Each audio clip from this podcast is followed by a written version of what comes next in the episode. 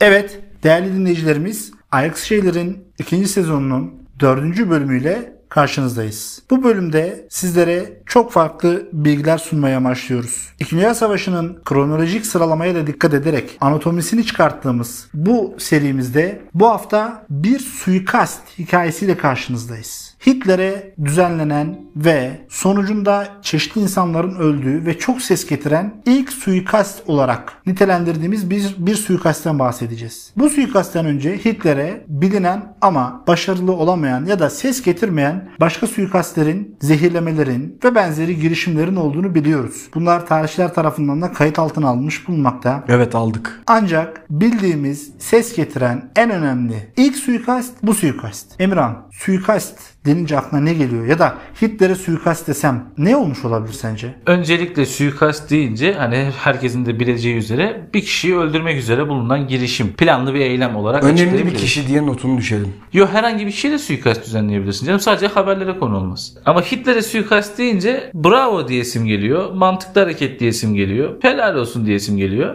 Gökhan Suikast yapısı itibariyle abi bazı faaliyetlerde bulunmuş insanların yaptıkları faaliyetler dolayısıyla bazı güç odaklarını rahatsız etmesi sonucu kendilerinin ölümü için yapılan eylemdir. çok güzel ama şöyle bir şey varmış gibi geliyor sanki bana. Suikast deyince bir serzeniş, bir mesaj, illa siyasi olmasına gerek yok. Herhangi bir konuda bir derdi olan kişinin bir mesajıymış gibi geliyor bir yandan da. Evet abi kesinlikle. Böyle algılayabilir miyiz? Ben de öyle düşünüyorum Yani zaten. olabilir. Tanımımın içerisine giriyor. Az önce yaptığım tanımın. Suikast bir şeylere önlemek yani kendisine zarar veren bir şeyi önleyen bir güçtür aslında. Ya da zarar vermesini durdurmak için siyasi bir eylem de olabilir. Evet kesinlikle. İşte tam olarak burada da bu suikastin böyle bir özelliği var. Öncelikle müsaadenizle ben suikastten bahsetmek istiyorum. Burada Georg Elsen isimli bir Alman vatandaşı var. Bildiğimiz kadarıyla bu vatandaş sıradan bir Alman vatandaşı. Kendi halinde bir insan. Hayatının ilk yıllarında, çalışma hayatının ilk yıllarında ahşap üzerine işler yapıyor. Ondan sonra bir süre saatçilik üzerine, kurmalı saatler üzerine çalışmalar yapıyor. En sonunda bilindiği kadarıyla Nazilerin yönetimi altında olan bir silah fabrikasında işçi olarak çalışıyor. Bu çalışmaları esnasında Nazilerin yönetimi altındayken Nazizme karşı duyduğu bir öfkesi olduğunu biliyoruz. Ve bu kişinin geçmişteki bağlantılarına bakıldığı zamanda da geçmiş yıllarda Almanya'daki bazı komünist örgütlenmelerle yakınlığı olduğu tespit edildiğini kaynaklardan anlıyoruz. Suikastçimiz Georg Elser. Suikaste maruz kalan Adolf Hitler ve yakın ekibi. Bu suikastin tarihi 8 Kasım 1939. Ama ne tarih? Yani bu tarihten önce suikastçı, assassinate mi deniyordu buna eskiden? Assassin mi deniyordu? Evet Assassin İngilizce'deki karşılığı. Değil mi? Evet. Bu assassin diyebileceğimiz Georg Elser bilindiği kadarıyla yaklaşık bir yıl suikastten önce bir yıl araştırma yapıyor. Çok enteresan. Ve bu kişi Hitler'i sırf savaşı engellemek adına öldürmek istediğini beyan ediyor. E Ben diyor savaşı durdurmak istedim. Çünkü şöyle bir durum var. Suikastin olduğu tarihte 2. Dünya Savaşı başlayalı bir buçuk ay olmuş. Daha savaşın başları yani 1 Eylül 1939'da 3. bölümümüzde bir önceki bölümümüzde değindiğimiz üzere artık silahlar konuşmaya başladı ve 1 Eylül 1939 tarihinde Almanya Polonya'yı işgal etti. Savaş başladı ve Georg Elser isimli bir Alman vatandaşı da 8 Kasım 1939 tarihinde Hitler'e ve ekibine bir suikast düzenlemek istedi. Ama Burada- ne suikast? ya çok fena. Yani bir yıl öncesinde bir yıl araştırması var. Oraya geleceğim. Bu kişi hem işte ahşaptan anlıyor hem kurmalı saatlerden anlıyor hem de Nazilerin silah fabrikasında çalışıyor. Nasıl bir bağlantı olabilir? Nazilerin bu silah fabrikasından ayrılmadan önce peyderpey peyderpey patlayıcıları yavaş yavaş çaktırmadan depolamaya başlıyor ve evine götürmeye başlıyor. Yani tabi acaba onu nasıl yapıyor diye düşünüyor insan. Patlayıcı tut cebine mi sokup çıkarttı? Artık ceketinin iç cebine mi sokup çıkarttı?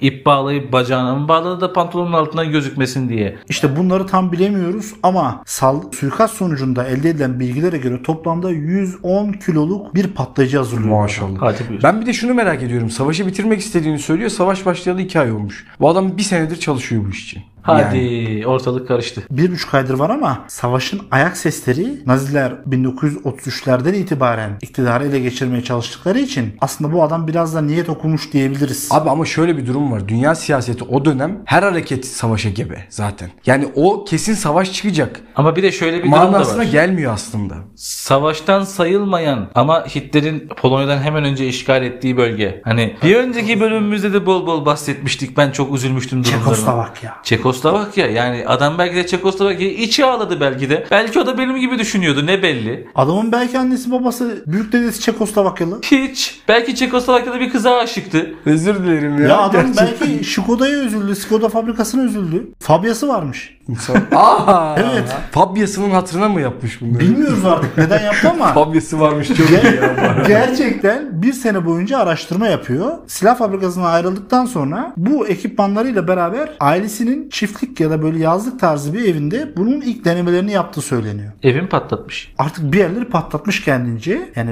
ben bunu yapabiliyor muyum? Bu- Bina çökmüştü zaten değil mi patlama olunca? Oraya geleceğiz. Dur şimdi.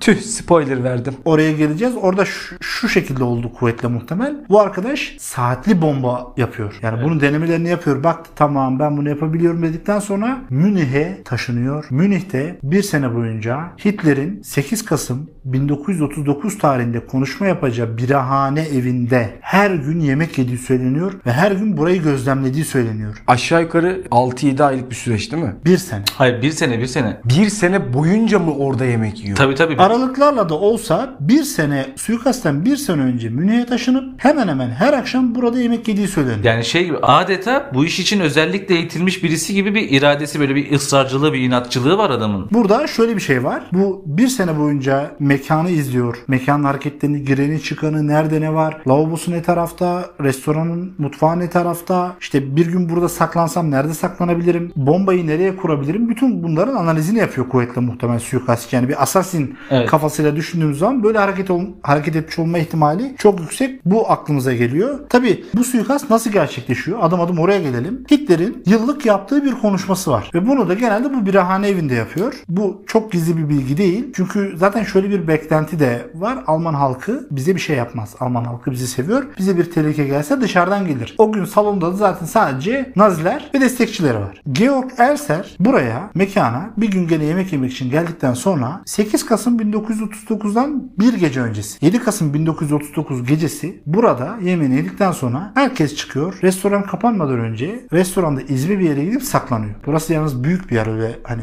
birahane evi, restoran tarzı bir yer ama çok büyük bir salonu var. Yani gözden kaybolmaya da bir yere saklanma ihtimali çok yüksek. Burada Georg Elser saklanıp Burada bir de herkes- tabii insanın kafasında şey takılıyor. Şimdi gitti yemek yedi ve orada saklandı herkes çıkana kadar tamam ama 110 kilo patlayıcıyı nasıl soktu oraya? Ya da 110 kilonun tamamını soktu mu? Defalarca kez gittiği için Her seferinde fa- fabrikadan aşırdığı gibi diyorsun oraya da Tabii, sokmuştur. tabii, tabii. İşte bunu tam olarak bilmiyoruz ama şöyle bir ihtimal var. Dış minnaklar. Yok dış minnaklar değil. Burada şöyle Minnak bir lan burada şöyle bir ihtimal var. Bu patlayıcı bir saat olduğu için bunu iyi kötü bir şekilde yanında taşıyor olabilir. Ağır da olsa. Ama 110 Bir kilo. şekilde. Abi bir, bir şey Parçalar halinde de olabilir. Sonradan bir araya getirip ben de öyle düşünüyorum. kuvvetle muhtemel saatli bombayı içeriye parça parça sokuyor. Ve de taşımasını kendince artık nasıl kolay hale getirildi onu tam bilmiyoruz. 7 Kasım 1939 gecesi burada kalıyor ve bir ahşap sütun var. Tam konuşmanın burada yapılacağını tahmin ediyor. Yani önü açık. Balkon. Herkese buradan hitap edilebilir ve üstünde bir balkon var. Burada da ahşap bir sütun var. Bu ahşap sütunu kesiyor. Saatli bombayı içerisine yerleştiriyor. Daha sonra bu ahşabı kapatıp hatta saatli bombanın üstündeki saatin, saatin üzerindeki materyaller, saatin içindeki teçhizat ses yapmasın diye etrafını da mantarlarla kapattığı söyleniyor. Burayı mükemmel bir şekilde ayarlayıp birahane evini gece yarısı terk ediyor ve ertesi gün 8 Kasım 1939 günü Hitler'in planlanan programına göre akşam 8.30'da Hitler konuşmasına başlayacak ve konuşma 90 dakika sürecek. Şimdi 8.30'da başlayacak bir konuşma 90 dakika sürerse akşam 10'a kadar 20, devam etmesi lazım. 22.00'a kadar devam etmesi Devam lazım. etmesi lazım. 3 aşağı 5 yukarı o saatlerde bitecek program. İşte Georg Elser 9'u 20 geçeye ayarlıyor. Saatli bombanın saatini. Yani saat tam 9'u 20 geçe saatli bomba patlayacak ve bu esnada Hitler konuşmasının tam ortasında olacak diye tahmin ediyor. Hitler'i de yanındaki generalleri de korumalarını hepsini öldüreceğim diye düşünüyor. Olabildiğince 110 kiloluk bir patlayıcıyla hepsine zarar vereceğini düşünüyor ki doğru düşünüyor. Ama bilin bakalım ne oluyor. Hitler'in o şeytani şansı yanında oluyor ve şöyle bir olay gerçekleşiyor. Münih'teki bu programdan sonra Hitler'in Berlin'de bir programı var ve Hitler Berlin'e yetişebilmek adına normalde uçakla gidecek. Ama Hava şartlarından dolayı trenle gitmeye karar Aynen veriyor. öyle. Hava kurumundan gelen bilgiye istinaden Hitler'in uçağı iptal ediliyor ve özel bir tren ayarlanıp trenle gitmek zorunda kalacak. Bu yüzden de akşam 8.30'da başlayacak olan konuşması saat 8'e çekiliyor. 90 dakika sürmesi planlanan konuşması da program artık aksadığı için saat 8'de başlayıp 60 dakika olarak planlanıyor. Yani saat 8'de başlayacak ve saat 9'da konuşma bitecek. Eyvah. Georg Elser 9'u 20 geçeye kurdu saatini. Evet. Yani patlayıcının saati 9'u 20 Ve geçe öyle bir yerde sakladı ki duruma müdahale edemez. Hiçbir şey yapamaz. Uzaktan kumandalı bir saatli bomba değil. Kendi imkanlarıyla dönemin teknolojisine göre yaptığı bir saatli bomba. Ve ne oluyor? Hitler'in konuşması 8'de başlıyor. 9'u 7 geçe bitiyor. Yani 13 dakika önce bombanın kurulu olduğu saatten 13 dakika, önce Hitler'in konuşması bitiyor ve Hitler salonu kendi etrafındakilerle beraber üst düzey kurmaylarıyla beraber terk ediyor ve sonrasında ne oluyor?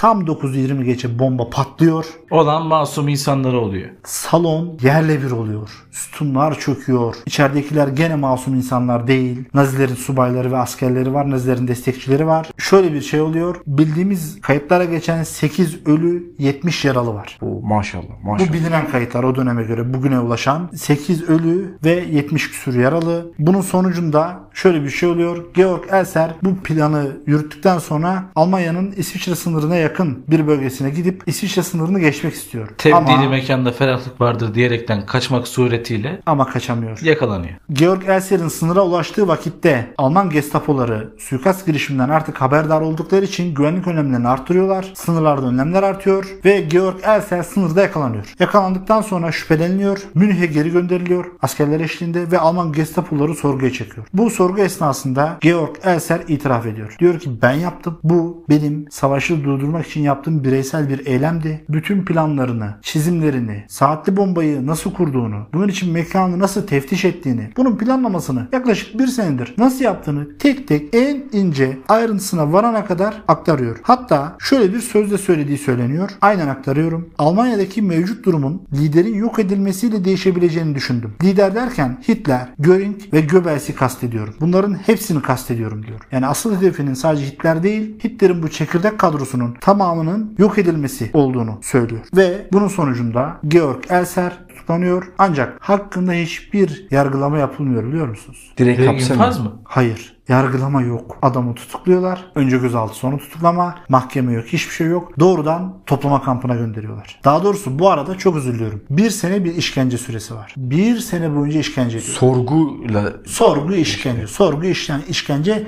Neden biliyor musunuz? neden? Neden? Hani diyor ya bu eylemi ben bireysel bir eylem kendim yaptım. Hitler de diyor ki bir Alman bana doğrudan saldırmış olamaz. Bu kesin İngiltere'nin, Amerika'nın bu birinin işi. Ben burada Hitler'e katılıyorum. Peki Hitler sana katılıyor mu? Bana rica ediyorum katılmasın da. Şöyle bir durum var. Şimdi bu hikayede benim birkaç tane böyle gördüğüm boşluk var. O boşluklar mesela bu adamın bir sene boyunca bu planların üzerinde çalışması, oradan patlayıcı madde çalması falan muazzam bir kurgu. Hiçbir problem yok. Ama ve lakin ben bu adamın bunu tek başına yaptığını düşünmüyorum. Hatta bu adamın yaptığını da düşünmüyorum. Bu adama tabii ki de bu planlar, bu kurgular verilmiştir. Ancak bu biraz böyle bir hani suçu sen üstlen. Hadi sen gençsin oğlum yatar çıkarsın gibi bir durum gibi geliyor bana. Ama öyle olmadığını düşünüyorum. Bence tek başına değildi. Ya tek başına değildi. Çünkü içeriye girecek, o sistemi kuracak, oradan çıkacak. işte o saati planlayacak, şunu planlayacak, bunu planlayacak. O biraz teferruatlı iş. Kaldı ki bir sene boyunca marangozluk yapan normal sıradan bir halk olarak görüyorum bunu. Normal sıradan bir Alman halkından bir parçanın Hitler'in de dediği gibi Hitler'e bu denli düşmanlık besleyip bu tarz bir eylem için bir sene hazırlık yapması bana inandırıcı gelmiyor. Bu adam Türk olsaydı eğer Buna inanırdım. Çünkü Türkler bireysel faaliyetlerde iyiler. Tek başlarına teşkilatlanma konusunda da iyiler. Irk olarak baktığım zaman ırkların kendi içlerinde öne çıkan yetenekleri vardır. Almanların mühendisliği iyidir mesela. Bombayı yapabilir tamam. Ama bunu gözlemleyip isyan edemez. O sürece götüremez. Türk olsaydı bunu yapabileceğine inanırdım. Ki biliyoruz da böyle bir hikaye. Emirhan sen ne dersin buna? Ben Gökhan'a katılmıyorum. Yani şöyle ki şunu da iddia etmiyorum. Kesinlikle tek başına yapmıştır. Bunu tabii ki de net bir şekilde o dönemin Almanya'sı bile aydınlatamamış. Ben tek başına karar dahi almadığını düşünüyorum. Olabilir tamam o senin fikrin. Ben de diyorum ki tek başına yapmış olabilir. Bu mümkün. Yani böyle bir şey imkansız değil. Çünkü işte baktığın zaman bir adam hem marangozluk yapmış, saatçilik yapmış, üstüne silah fabrikasında çalışmış. Bu tarz teknik bilgileri kendi bünyesinde toplamış. Üstüne bazı fırsatlar elde etmiş ve bir mevzuyu kafasına takmış. Nasıl yaptığını anlattığında bence yani bir iki kafaya takılan şey haricinde mantıklı geliyor insana. Adamın neyi nasıl yaptığını anlıyorsun. İşte plan kurduğu planları anlatıyor. Belki yanında ona yardım eden bir veya iki kişi daha vardır ama onları da yakın arkadaşları veya dostları olduğu için veya çok samimi tanıdığı insanlar olduğu için ele vermek istememiş olabilir. Bence bunu da anlayabiliriz. O kadar işkenceye rağmen. Olabilir neden olmuş? Şöyle bir şey var. İkinizin biraz ortak orta noktası gibi olabilir bu. Doğrudan kendisini yaptığını ifade ediyor. Bunu destekleyici olarak da o güne kadar yaptığı çizimleri hem bombanın hem mekanla ilgili yaptığı araştırmaların defterlerini ve belgelerini soruşturma esnasında ifşa ediyor, veriyor bunları. Yani biraz da bunu ben yaptım. Başka hiç kimse yoktu. Tamamen benim tasarrufum, benim planımdı diye Gestapo'lara, Nazilere bunları soruşturma esnasında teslim ediyor. Ha bunun sonucunda ne oluyor? Hitler'e hiçbir şey olmuyor. Hitler hatta bu suikast girişimlerinden sadece bundan değil diğerlerinden de sağ salim çıktığı için şöyle bir düşünceye kapıldığı da söyleniyor. Ya gerçekten Tanrı beni seçti. Tanrı bunun için Almanya'nın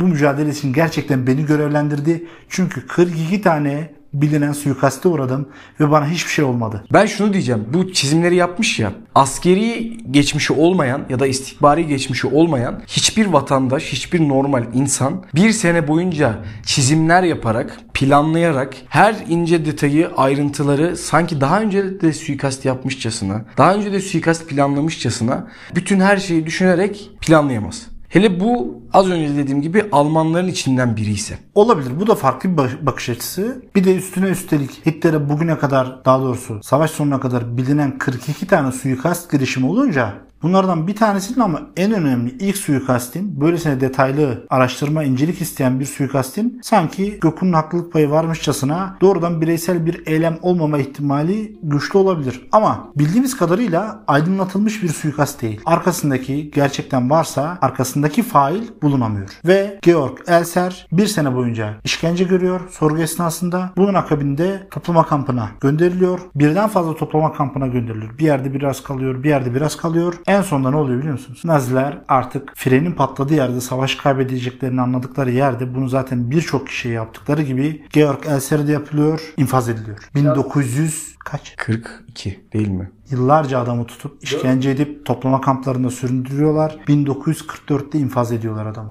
Ya Biraz gecikmiş ama şöyle bir durum var. Biraz gecikmemiş. Sürüm sürüm süründürüyorlar. Yani niyeti adama acı çektirmekmiş. O saatten sonra savaşı kaybettikten sonra artık bu düzeni devam ettiremeyecekleri için infaz etmişler. Dolayısıyla hani bu ister bireysel bir tasarrufu olsun, ister dış güçlerden herhangi bir tanesinin ya da hiç belli olmaz. Belki Nazilerin içerisinden bazı destekçileriyle bile bunu yapmış olabilir. İçeriden bu kadar net bilgiyi, Hitler'in programını, her ne kadar bu program halka duyurulsa da bir sene öncesinden bunun planlamasını yaparken belki Nazilerin içerisindeki bir iktidar mücadelesi için Hitler'in ölmesi istendiği için belki böyle bir şeye bile vesile olmuş olabilir. Yani arkasında dış güç değil içerideki bir güç de sebep olmuş olabilir. Bu durumun sebebini bilmiyoruz ama sonuç olarak ne oldu? Az önce de bahsettiğimiz gibi Hitler kendisini seçilmiş kişi olarak ölmediği için suikastler sonucu seçilmiş kişi olarak görmeye başladı. Olan bireysel olarak savaşı durdurmak isteyip durduramayan ve ömrünün 5 yılı toplama kamplarında, işkencelerde geçip